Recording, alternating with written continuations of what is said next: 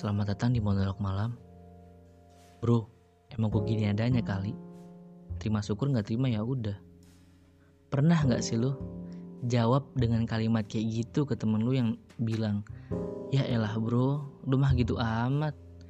Ya maksud gue kayak gini, kalau lu nggak mau temenan sama gue, ya nggak apa-apa. Gue juga nggak rugi. Terus kalau lu mau temenan sama gue juga ya ayo, gue appreciate lu sebagai temen.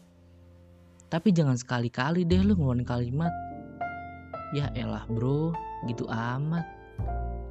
Karena itu yang kadang bisa nyakitin hati temen lu. Sadar gak sih? Jagalah perasaan temen lu. Sekali aja. Karena temen lu juga manusia woi.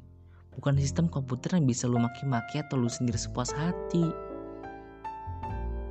Sekarang gini, kalau lu di situasi kayak temen lu, apa yang bakal lu jawab? Ya pasti sama jawabannya. Jadi, jaga hubungan baik sama temen lu. Dukung dia dalam hal baik. Kadang, support penuh dari temen bisa mengimprove lu, sumpah.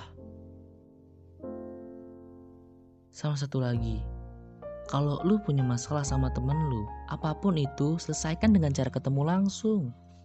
Jangan pernah sindir-sindiran lewat stories. Jangan pernah sindiran lewat Twitter.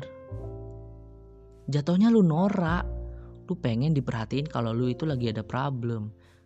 Temuinlah langsung. Lu lagi kenapa? Lu lagi ada masalah apa sama gua? Ayo kita cerita. Ayo kita cari ayo kita cari solusinya bareng-bareng. Kayak gitu. Jangan ujuk-ujuk lu sindir di stories. Yah si anjing, gak butuh gue orang kayak lu. Kan jadinya norak, katro. Sadar gak sih? Jagalah hubungan baik dengan teman atau siapa pun itu. Selamat malam. Selamat tidur.